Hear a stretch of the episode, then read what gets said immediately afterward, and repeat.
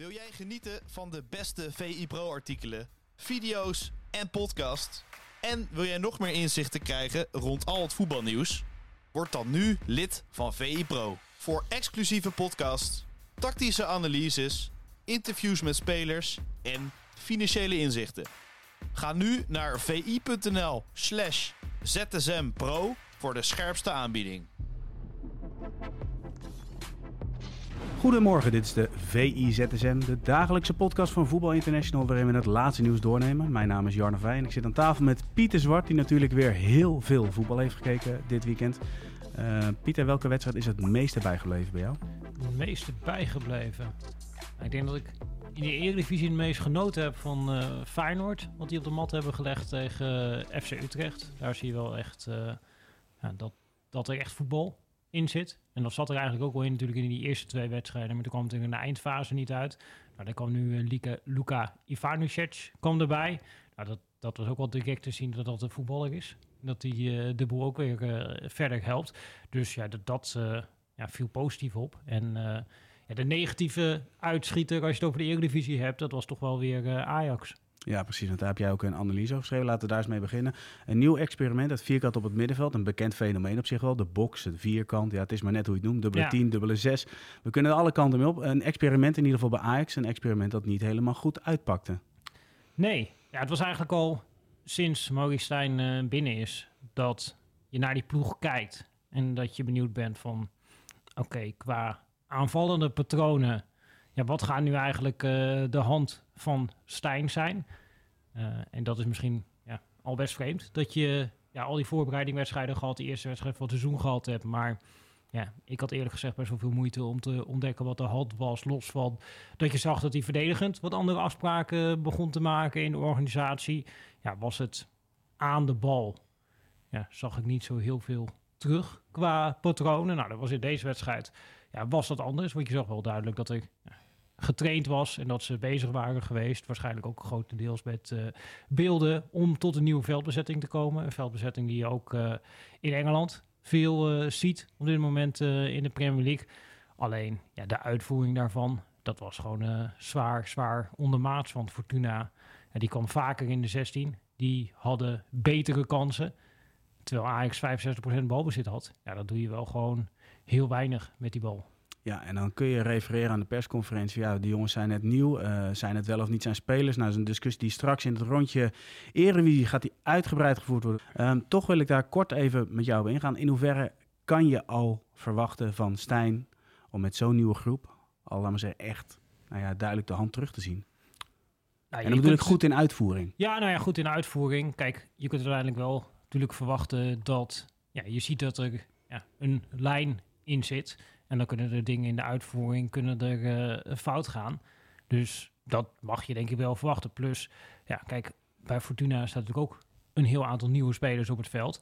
En die hebben slechtere spelers dan Ajax, zoals ook Ludo Gorets, waar ze ook niet van hebben gewonnen in die tweede wedstrijd. En Excelsior hebben slechtere spelers op het veld staan uh, dan Ajax. Dus dan kan die kwaliteit van die spelers of de kwaliteit van de aankopen, ja, dan kan uiteindelijk kan dat uh, geen excuus zijn om dan die wedstrijd uh, niet te winnen. Want je hebt nog steeds betere spelers op het veld staan ja, dan de tegenstander. Maar ja, het is natuurlijk wel duidelijk dat als jij donderdagavond speelt, je hebt daartussen, ja, dan is één dag is eigenlijk herstellen. Je hebt één fatsoenlijke training en daarna ga je weer een wedstrijd spelen. En dan komen allerlei jongens staan voor het eerst op het trainingsveld en uiteindelijk ook voor eerst op het wedstrijdformulier die net binnen zijn gevlogen. Ja, dan kun je ook niet verwachten dat alle automatismen erin zitten en dat het ja, vloeiend loopt. Maar ja, dat is zeker in die periode na de Interlands. Ja, dan moet er wel iets gaan ontstaan. En dat ja, oogt op dit moment nog ver weg. Ja, dus eigenlijk zeggen dat de komende weken dat dat eigenlijk wel de belangrijkste momenten voor Stijn zijn. Dit zijn de momenten om echt uh, ja, stappen je... te zetten. Maar ja, goed, wie, wie, wie zijn er allemaal? Nou ja, iedereen gaat ongeveer uh, vliegt uit en dan moet je weer uh, beginnen. En dan begin je ook nog met een schema. Dat je niet zegt van, wat eigenlijk het makkelijke deel van de schema hebben ze nu gehad. Nou, daarin heeft hij van de vijf wedstrijden heeft hij er twee gewonnen. En nou eigenlijk ook nog gewoon gewonnen dankzij Mohamed Kudus. Die in zijn eentje ja, dat, dat team doorheen nieuw ook weer wedstrijden waar het positiespel eigenlijk uh, op heel weinig uh, leek. Dus ja, dat rapport van die eerste periode, dat is gewoon een uh, onvoldoende, zelfs gegeven de omstandigheden. Nou, en dan ga je nu een week in.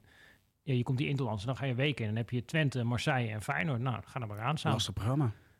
Ja, Zo. dus dat, eh, dat, wordt heel, eh, dat wordt heel pittig. En nu moeten ze het, eh, ja, nu moet hij echt laten zien dat hij een overperformer is. Door maar eh, ja, in hele korte tijd, in een paar trainingen, ja, toch wat lijn aan te brengen in dat spel. In ieder geval voor te zorgen dat je die week doorkomt met eh, goede resultaten. En ja, na dit gelijkspel tegen Fortuna en ook vooral de manier waarop. Want je komt nog goed weg dat iemand een eh, penalty het stadion eh, uitschiet. Anders kun je er ook gewoon verliezen. Wat gegeven ja, de verhouding op het veld was eigenlijk terecht geweest als Fortuna die wedstrijd gewonnen had. Ja, als Ajax zijnde, ja, eigenlijk kan het niet gebeuren dat je in Sittard niet wint. Laat staan dat je in Sittard niet wint en dat je eigenlijk verdient dat om te verliezen. Dan eh, ja, gaat er heel veel fout. En ja, hij heeft eigenlijk geen tijd om dat te herstellen. Maar er moet wel hersteld worden. Dus eh, ja, ga er maar aan staan. Ja, en is het Europese seizoen ook nog eens een keer een aantocht. En een van de tegenstanders van Ajax eh, ja, in die eh, ja, Europese campagne is Brighton en Hove Albion. Nou, als je het dan hebt over hand van de trainer duidelijk zichtbaar. Nou, dat, dat is natuurlijk taal bekend.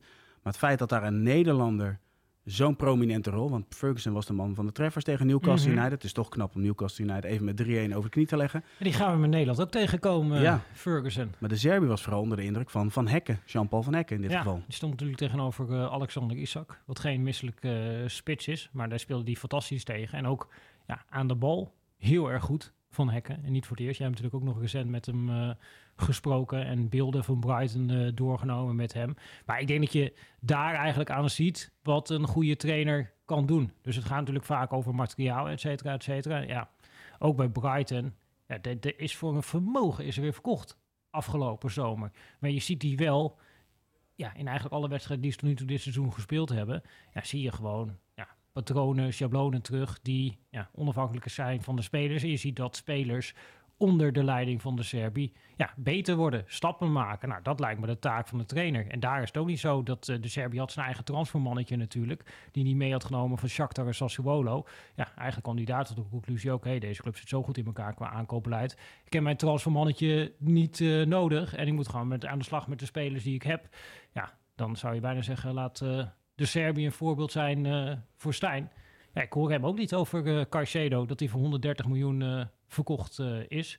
Nee, die probeert daar gewoon iemand anders McAllister neer. kwijtgeraakt. Hij is Ja, best wel op, wat belangrijke spelers even kwijtgeraakt. Ja, tuurlijk. Ja, die, die, die hebben ja, volgens mij voor meer verkocht dan welke club dan ook in deze periode. Ja, en wat er voor terug is gekomen qua namen is er niet heel aansprekend. Nou, Ansu Fati.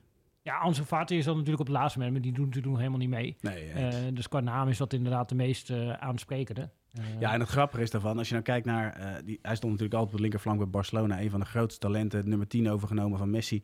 Maar dan zie ik de linkerkant met Estepinian en, en Mitoma. Dan denk je, jee, mag dat, ik kan me niet voorstellen dat hij die uit de baas gaat spelen, Mitoma. Nee, dat wordt heel lastig. Ja, Mitoma zit er ook geweldig in. Maar het Ja. is dus ook inderdaad een speler die zich ontwikkelt onder de Serbi. En ja, ze spelen er ook centraal achterin. Je hebt Van Hekken. Nou, dat vonden we in Nederland ook een houten Klaas. En daarnaast dat Lewis Dunk. Ja, dat, eh, als je McQuarrie een eh, houten Klaas vindt, eh, wat is eh, Lewis Dunk daar dan? Maar dat is gewoon een fantastische opbouwer geworden onder de Serbi. In een paar maanden tijd is die Ja. jongen totaal getransformeerd. Ja, maar eh, bizar is dat, hè? Want we hebben het, ze, ze hebben het natuurlijk logisch. Als je, als je drie doelpunten maakt, heb je het over Ferguson. Dat is dan de, de spits van Brighton. Ja, maar ook een jongen die onder steeds hem aan. ontwikkeld is. Zeker, maar, maar de Serbië gaf ook aan, ja, die bal tussen de linies, door steeds van Hekken die direct die bal gaf. Ja, weet je, daarin zie hij denkt dan over koppels. En hij zegt, hij gaf ook in een interview aan van, ja, ik heb steeds dat koppel Evans en Van Hekken in mijn hoofd zitten. En ik kan het Mhm. ook niet loslaten. Dus moet je eens nagaan als je zo'n ploeg hebt die, waar iedereen het over heeft. Het mooiste voetbal in de Premier League. En dat daar een jongen die ja, bij NAC speelde in Nederland, daar nu een prominente rol vertolkt. Ja. ja, dat is waanzinnig knap. En eh, we hebben het er toen ook met Erwin van der Looy over gehad. Die toen bondscoach was van Jong Oranje. Ja, die zei ook van, ja, ik heb een totaal andere speler teruggekregen in een half jaar tijd. Nou, dat, dat is dus vakwerk. Want ook bijvoorbeeld Pascal Groos. Ja, die zit nu in de nationale selectie van eh, Duitsland. Ja, komt hij nooit voor een aanmerking. Werkte een paar maanden met de Serbi. En het is in één keer een Duitse international. Ja, dan heb je het over een trainer die echt spelers beter maakt. eh, en echt een elftal beter laat voetballen. Nou, dat is uiteindelijk denk ik eh, de taak van een trainer. Om het van een materiaal dat jij hebt, om die individueel beter te maken. En die Ja. als team te laten functioneren. Ja, en de Serbi geeft daar nu al enige tijd een masterclass in bij Brighton en Hove Albion. Ja, precies. We kunnen altijd nog even de link delen waarin Van Hekken uitlegt hoe dat precies tot stand komt. Eh, Pieter, we hebben genoten van Feyenoord, we hebben genoten van Brighton Hove Albion. Maar heb jij ook genoten van Frenkie de Jong? Die speelt ook weer uh, erg goed. En dan dat balletje voor die penalty. Ja, heerlijk. Met zoveel gevoel uh, in de diepte wegleggen.